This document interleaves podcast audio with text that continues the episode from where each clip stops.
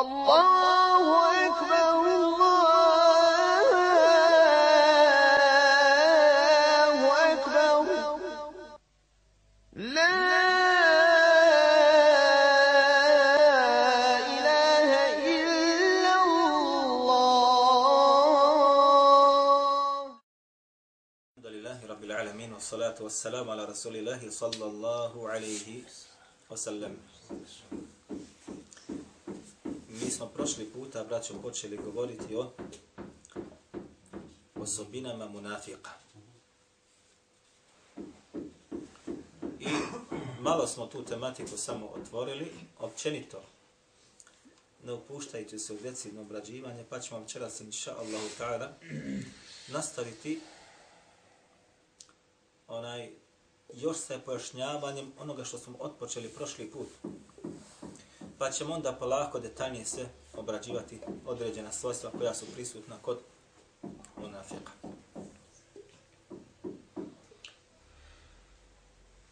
Objava poslaniku sallallahu alaihi wa sallam je dolazila spuštana bila u Meki koliko godina? 13 godina. Da li je u tih 13 godina Allahu subhanahu wa ta'ala makar u jednom kuranskom ajetu spomenuo munafike ili opisao njihove osobine?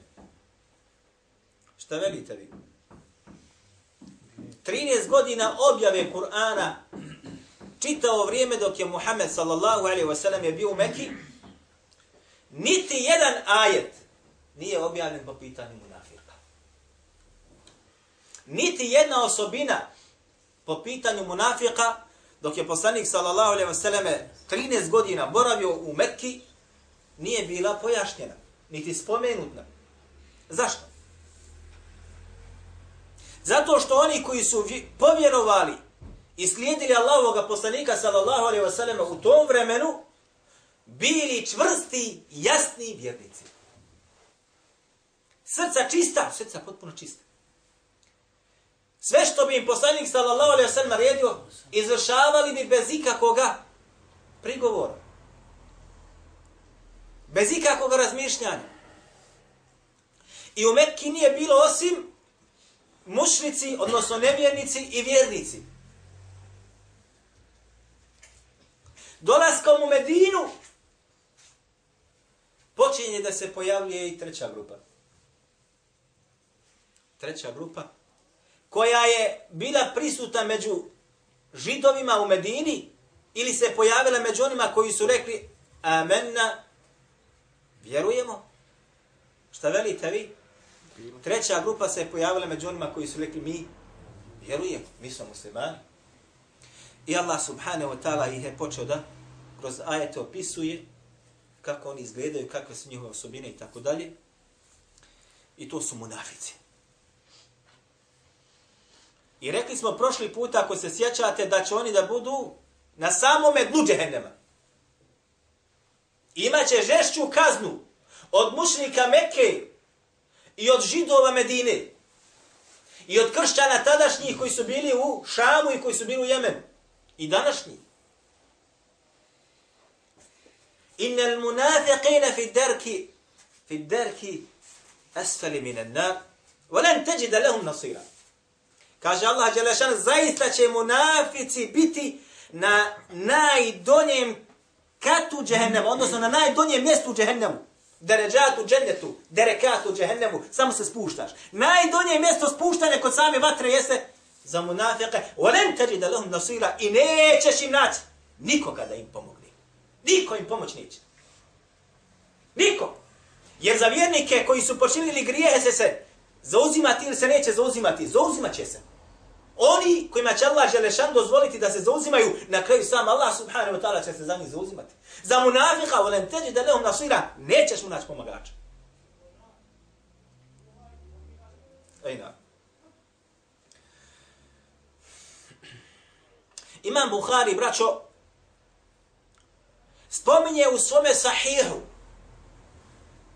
odmah na početku, I to je njegov odgovor murđijama između ostaloga. Hauful mu'mini en jah, min en jahbata amaluhu wa huve la ješ'ur.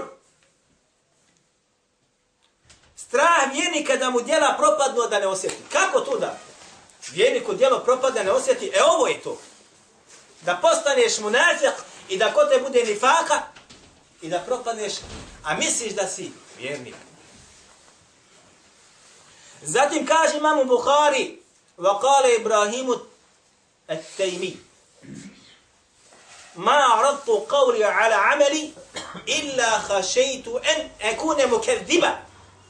Kaže, nisam nikada usporedio svoj govor sa svojom praksom, a da nisam smatrao sebe da sam jedan veliki lažov. Ovo bilježi sa vjerovostojim lancem prenosilaca. Ovo imam Buharu, ovdje spominjemo Allahan bez lanca prenosilaca. Ali ovo je zabilježio El Firjabi u svom djelu Sifatul Munafiq ili Sifatul Munafiqin, odisno kako je štampana koja onaj, koja je izdavačka kuća, sa vjerodostojnim lancem prenosilaca. Zatim dole, odma opet kaže, Vaqal, Ibn Abi Mulejke. Ko je ovo? Ko je Ibn Abi Mulejke? Ko zna od vas? Kako se zvao on? Kaže, edrektu, thelathine min ashabi nebiji sallallahu alaihi wa sallam. Kulluhum yakhafu min nifaqi ala nafsi. Ili kulluhum yakhafu nifaqa ala nafsi. Kaže, ova Ibn Abi Mulejke, sreo sam 30 ashaba Allahovog poslanika sallallahu alaihi wa sallame i svaki se je bojao da kod njega postoji nifak ili da je munafik.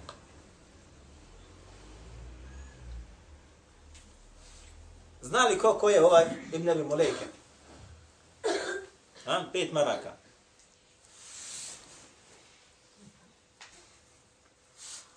Mora za sljedeći put? Ha? Može. Biografija njegova ime i prezme i kad je umro.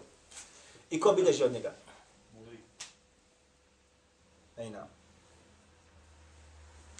Abdullah ibn Ubejdullah ibn Abi Mulejke. El Kureši. Umro 127. godine po Hidži. Od njega bilježi Bukhari, Muslim, Ebu Davud, Nesai ibn Mađe. Svi bilježi od njega. Poznati tabi'in. Kaže, direktor, šedao sam, kaže, 30 ashaba i kaže, svi su, svaki od njih kaže, smatrao sebe da kod njega ima nifaka ili da je munafik. Sjećate se, prošli puta smo govorili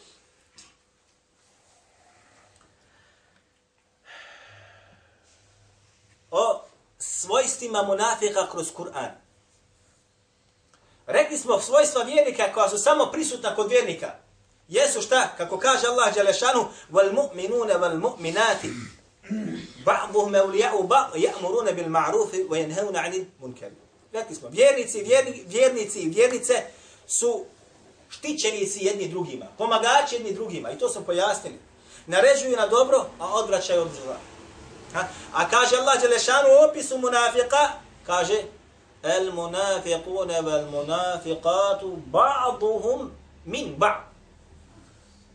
Ja'murune bil munkari, wa yanhauna 'anil عن المعروف ويقبضون أيديهم نسوا الله فنسيهم kaže Allah Đelešanuhu, munafici i munafik, žene, muškarci i žene od munafika su, kaže jedno. Nisu štićeni jedni drugima. Ne pomaže jedno drugi. Jedno. Jedno, jedno lice. Kako god okreneš. Naređuju, kaže na munke, na loše, a odvraćaju od dobra i mi smo to pojasnili. Yakbiduna aydiyahum kaže i stisne tu stisne stisne stisnute su šta ruke. Neće dijeliti na Allahove put. Stisnuta ruka, braćo, nije osobina vjernika. Vjernik dijeli pa makar ima šta? Malo. Vjernik dijeli pa makar imao malo. Ali stisnuta ruka osobina koga? Osobina munafika. Humul ledine yakulun, kaže, oni su ti koji govore ko? Munafici. La tunfiqu ala man inda rasulillahi hatta yanfaddu. Nemojte kaže da dilite svoj metak na one koji su oko Allahovog poslanika sallallahu sallam, na ashabe. Nek se kaže svi razbježu od njega. Jer ashabi su bili siromašni, siromasi bili. Izbjegli iz Mekke došli u Medinu. Potrebni pomoći, potrebni pomoći. Munafici koji su bili u, Medini, u Medini, koji su ko bila povjerovali u Allaha lažno, govorili su nemojte dijeliti mi metak.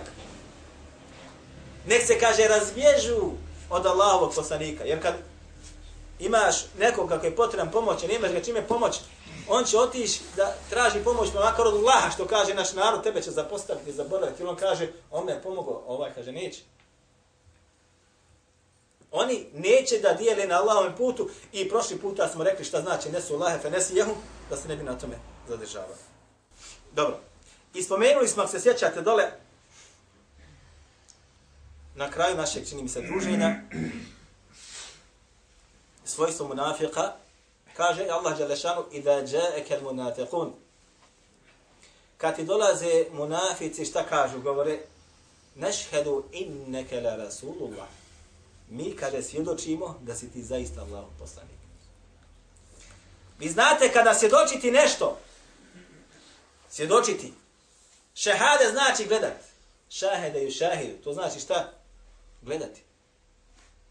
Zato se kaže svjedoči. Ovo je, ovo je šahid svjedok. Zašto? Zato što nešto on vidio. Zato je došao izraz i taj šehadi koji se donosi la ilaha ila Muhammeda Rasul. Kao da gledaš. Nemaš dvojbe nikako. To je šehadet. Zato su oni govorili nešhedu inneke la Rasulullah. Mi, kaže, zaista svjedočimo da si ti Allahu poslanik. Što znači moramo te slijediti u potpunosti 100%. Wallahu ja'lamu inneke la Rasulu. A kaže Allah, dobro zna da si ti zaista njegov poslanik. Wallahu yashhadu inna al-munafiqina lakazibun. A Allah svjedoči da su munafici zaista veliki lažovi. Pa smo govorili i pojasnili ovo malo, na tu tematiku se ne bi vraćali. Odnosno, da oni koji govori da treba slijediti Allahovoga poslanika sallallahu alaihi vseleme u onome sa čim je on došao, a zatim to ne čine, ova osobina se vraća na njih ili se ne vraća? Vraća se na njih osobina čega munafika koji su također govorili, a jesu ga slijedili? Nisu ga slijedili. قل إن كنتم تحبون الله فاتبعوني يحببكم الله ويغفر لكم ذنوبكم kaže Allah dželle šanuhu Allahom poslaniku reci Muhammede ako vi zaista volite Allaha onda slijedite mene kao poslanik Allah će vas zavoliti i vam oprostiti eh sad dolazi fa in tawallu ako budu oni glave okrenuli ne budu te poslušali i ne budu slijedili ono sa čim si došao Fa inna Allahe la yuhibbu el kafirin. Allah žele šanuhu zaista ne voli koga? Nevjernike. Zaista ne voli koga? Nevjernike dolazi svojstvo čega? Kufra ovde. Da oni koji tvrde da treba da se slijedi poslanik sa osaleme, a zatim to neće da uradi, okrenu se na drugu stranu, kontra idu, to je laž ili nije laž? MT gore, Allah Želešanu uslovio da si od munafika i da su kao i takvi su kao laživci, vama oslovljava takvi da su takvi kao nevjernici. Fa in tawallu ako oni budu neposlušni tebi Muhammede i okrenu se od onoga sa čim si došao, fa inna Allahe la yuhibbul kafirin. Pa zaista Allah ne voli nevjernike. Tajib. Idemo sada na razradu sada malo tih osobina koji su prisutne kod munafika.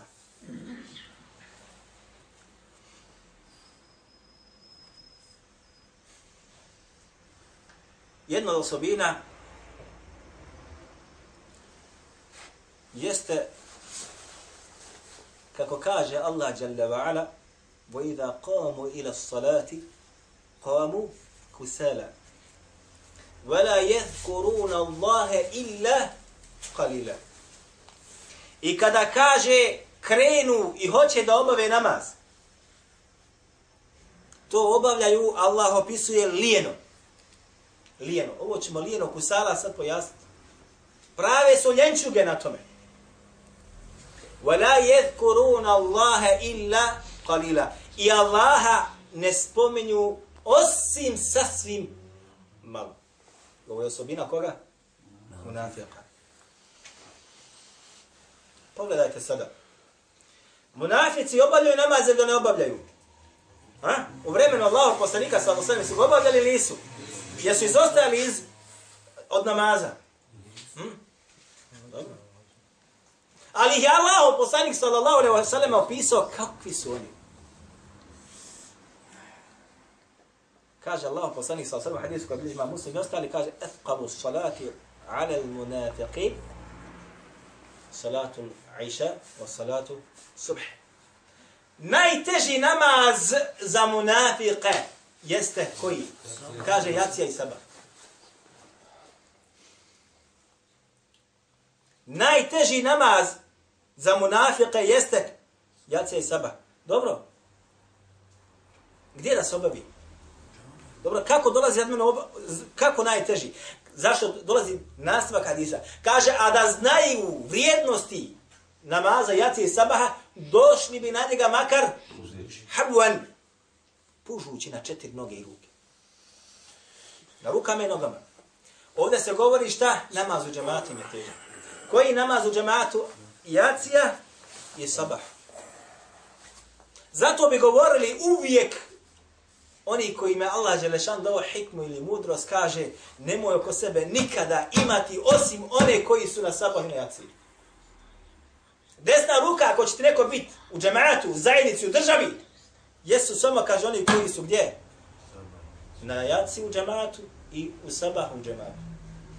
Koji izostaju iz jacije i džemata i sabah i džemata, ne, do, ne daje mu nikakve odgovornost da vodi. Ništa. Da zapita, da se bude čoban ovaca koji su u, u Bejtul Mam ne daje da vodi. Zašto? Zato što je opisan takav ovako kako je Allah poslanik sa sam opisao. Zatim iđe nastavak hadisa, mi ćemo kasnije komentarisati. Mi ćemo kasnije da komentarišemo, inša Allahu ta'ala. U rivajetu koji bilježi ima Mahmed, između ostalo se kaže, ona je, Ebu Bišir kada navodi ovaj rivajet, kaže, odnosno, nisu, kaže, redni u obavljanju jacije i sabaha u džematu. Nisu redni. Ne kaže se da nikako ne klanjaju. Jeste me razumjeli? Je bi sad neko rekao pa u nas ovdje? Ne. Jednom dođe, dva put ne dođe, opet dođe, opet ga nema. Nisu redni na jaci i na sabahu. Ovo se odnosi, braćo moja draga, obaveznost na jaci i na sabah, za one, nama, za one koji su udaljeni od džamije, koliko se može da čuje glas muedina kada uči Edan Samunari bez mikrofona, znači prirodnim glasom kad ga bude učio. Ali da je vrijeme u vremenu ashaba, kada ne ima automobila, motora, neki tamo onaj eh, poljoprivrednih mašina, muzike i ostalek, nego se vraća na vrijeme, znači kada nikakih glasova nije bilo osim prirodnih glasova.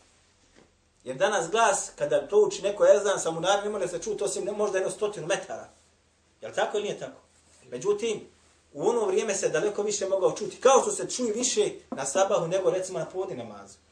Zbog tišine koja. E, svaki onaj do koga dopre taj prirodni glas muedzina sa uzvišenog određenog mjesta i do njega dopre to obavezan se je odazvati džamatu na njega ta obaveza sleduje.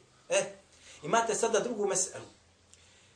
Između ostaloga se kaže da je od blagodati koje Allah Đelešanu u svome robu dadne jeste da stanje blizu džamije.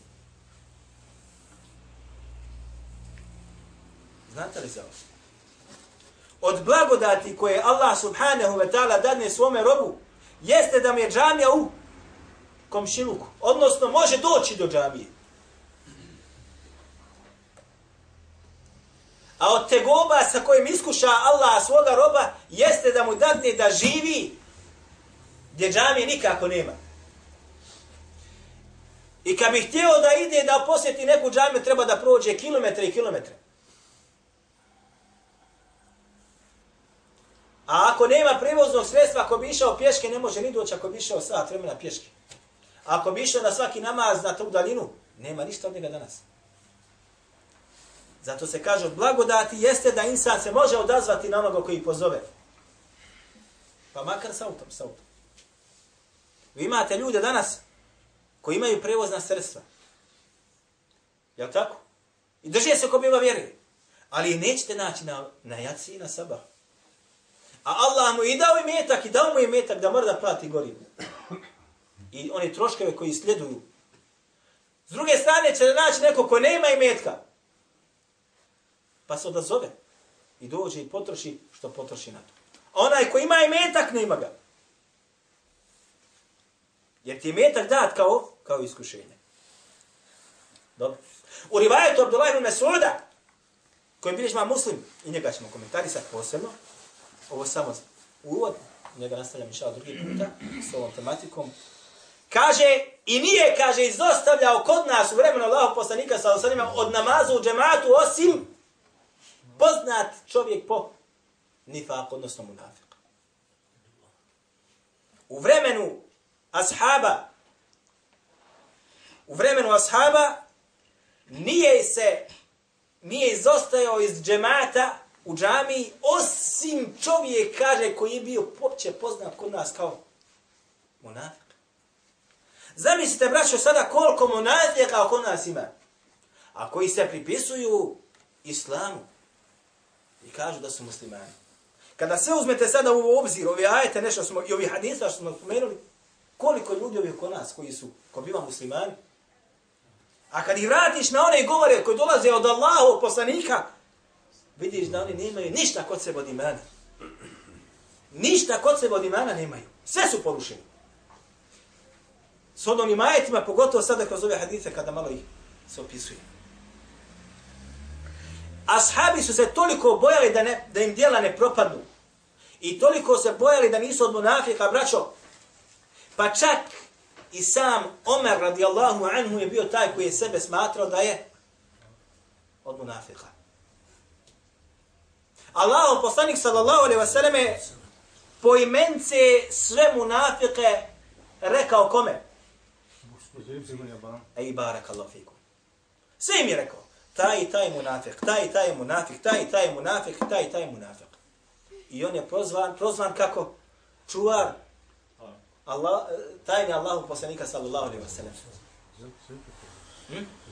Jeste. Omer je došao jedan puta, kako se navodi rivajetima, do njega i rekao, jesam li ja među njima? Jer se bojao da nije on od ti. Bojali su se za svoja djela. Pa mu je rekao, šta?